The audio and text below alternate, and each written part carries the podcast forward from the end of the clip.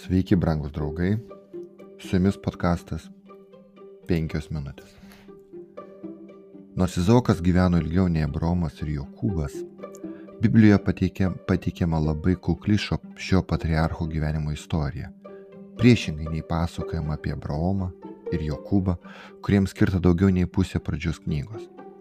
Tačiau ir iš tiek nedaug galime pamatyti svarbių Izaoko gyvenimo pamokų pagristų jo santykių su Dievu. Izaokas visiškai pasitikėjo Dievu ir savo tėvų tiek Morijos kalne, tiek iš pirmo žvilgsnio neįprastame dalyke - renkantis savo gyvenimo partnerį. Nors vedybų metu jam buvo jau 40 metų, jis rėmėsi dievišką apvaizdą.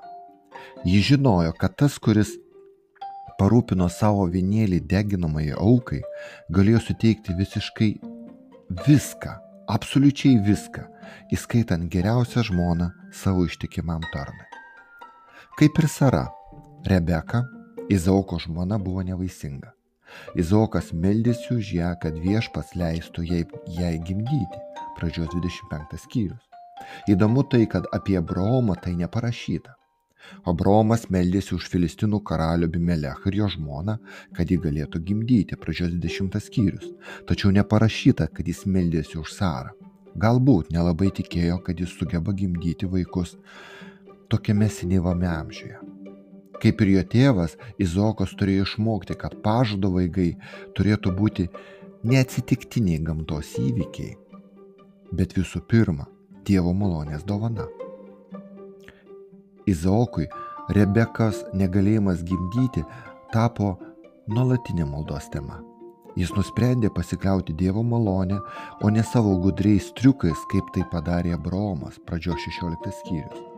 Jo pasitikėjimas Dievu nebuvo veltui ir jam nereikėjo laukti tiek laiko, tiek ilgai, kiek Abraomas, kol jo tikėjimas tapo realybė.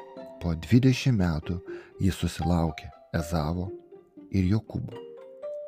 Biblijos istorija pasako apie nesavanaudišką Izaoko paklusnumą Dievui net ir menkiausių klausimų.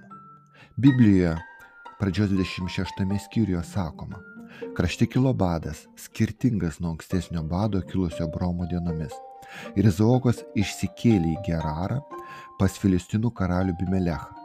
Viešpats buvo jam pasirodęs ir sakęs, neik į Egiptą, įsikur krašte, kurį tau nurodysiu, gyvenk tame krašte kaip ateivis, aš būsiu su tavimi ir laiminsiu tave.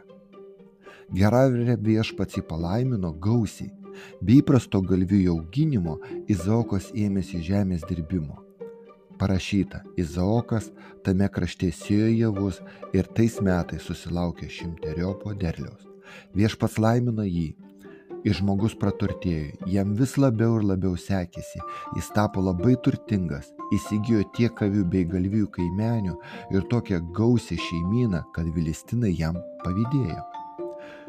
Užpildami žemėmis filistinai buvo užverti visus šulinius, kuriuos iškasė jo tėvo tarnai Abromo dienomis. Ir Abimelechas sakė Izaokui, pasitrauk nuo mūsų, nes pasidarei daug stipresnis už mus. Todėl Izaokas iš ten ir pasitraukė pasistatė palapinės Geraros slėnyje ir ten apsigyveno.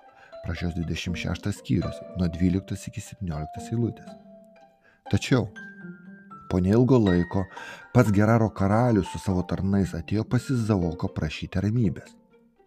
Pražios 26 skyrius sako, Izaokas paklausė jų, ko atėjote pas mane, jei manęs nekinčiate ir atstumėte nuo savęs. Jie atsakė, dabar mes aiškiai matome, kad viešpats buvo su tavimi. Todėl siūlome sudaryti sutartį su priesaika tarp mūsų abiejų, tarp tavęs ir mūsų. Sudarykime sandorą, kad tu nedarytum mums nieko piktą lygiai, kaip mes tavęs neužgavome, visada su tavimti gerai elgėmės ir leidome tau iškeliauti taikingai. Nuo dabar būk viešpatės palaimintas. Jis iškėlė jiems vaišės, jie valgė ir gėrė. Nepaisant neteisybės, kurią patyrė Izaokas, jis, kaip taika mylintis žmogus, sutiko sudaryti draugystės susitarimą su Bimelechu. Galima tik įsivaizduoti, kaip Izaokas jautėsi, kai Abimelechas pasakė, kad jie tik gerai su juo melgėsi ir darė visą patį geriausią.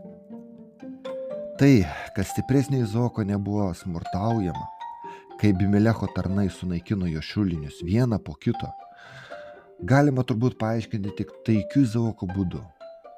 Ir nors jis tikrai turėjo karčių išgyvenimų, jis jų neminėjo. Juk jis turėjo didelę, dosnę ir kilnę, svarbiausia Dievui ištikimą širdį. Su jumis buvo podkastas 5 minutės.